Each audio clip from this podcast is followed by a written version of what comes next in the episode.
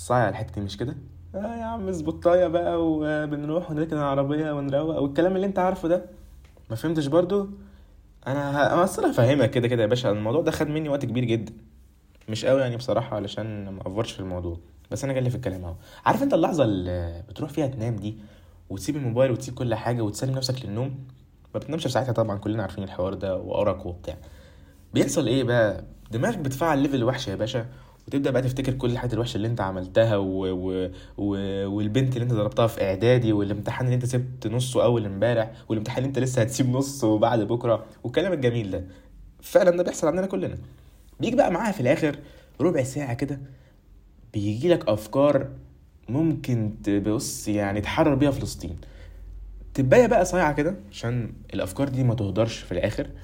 ممكن تبقى سايب نوتة جنبك كده جنب السرير كل ما يجيلك أفكار حلوة تقوم كاتبها في النوتة دي على طول بحيث إنك لما تصحى مش تبقى ناسيها.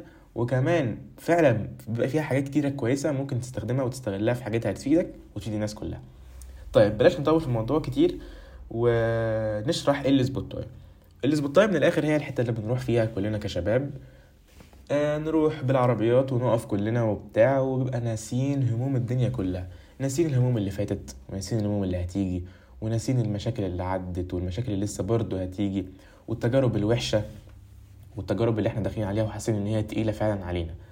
فهي دي السبوتاية من الآخر. طيب يعني أنت هتعمل إيه برضه؟ يعني إيه ليه سميتها السبوتاية آه ما أنا جاي في الكلام أهو يا عم استنى. بص من الآخر كده إحنا كشباب في مجتمعنا ده بيبقى في حاجات كتيرة قوي إحنا عايزين نتكلم فيها ومش بنعرف نتكلم فيها. بنحس إن الناس مش مدين لنا الأريحية التامة إن إحنا نتكلم في الموضوع.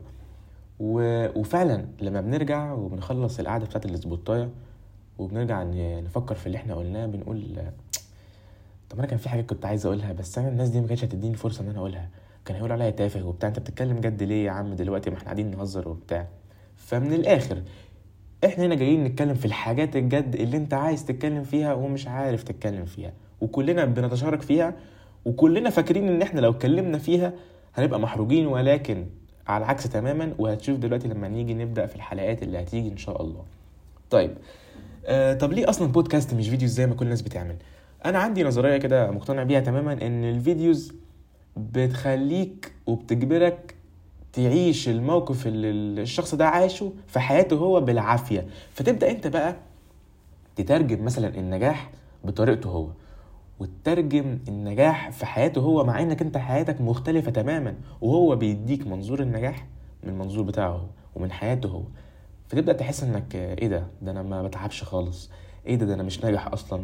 إيه ده؟ ده أنا لسه لي كتير قوي عقبال ما أوصل للليفل ده. لا لا لا لا خالص والله.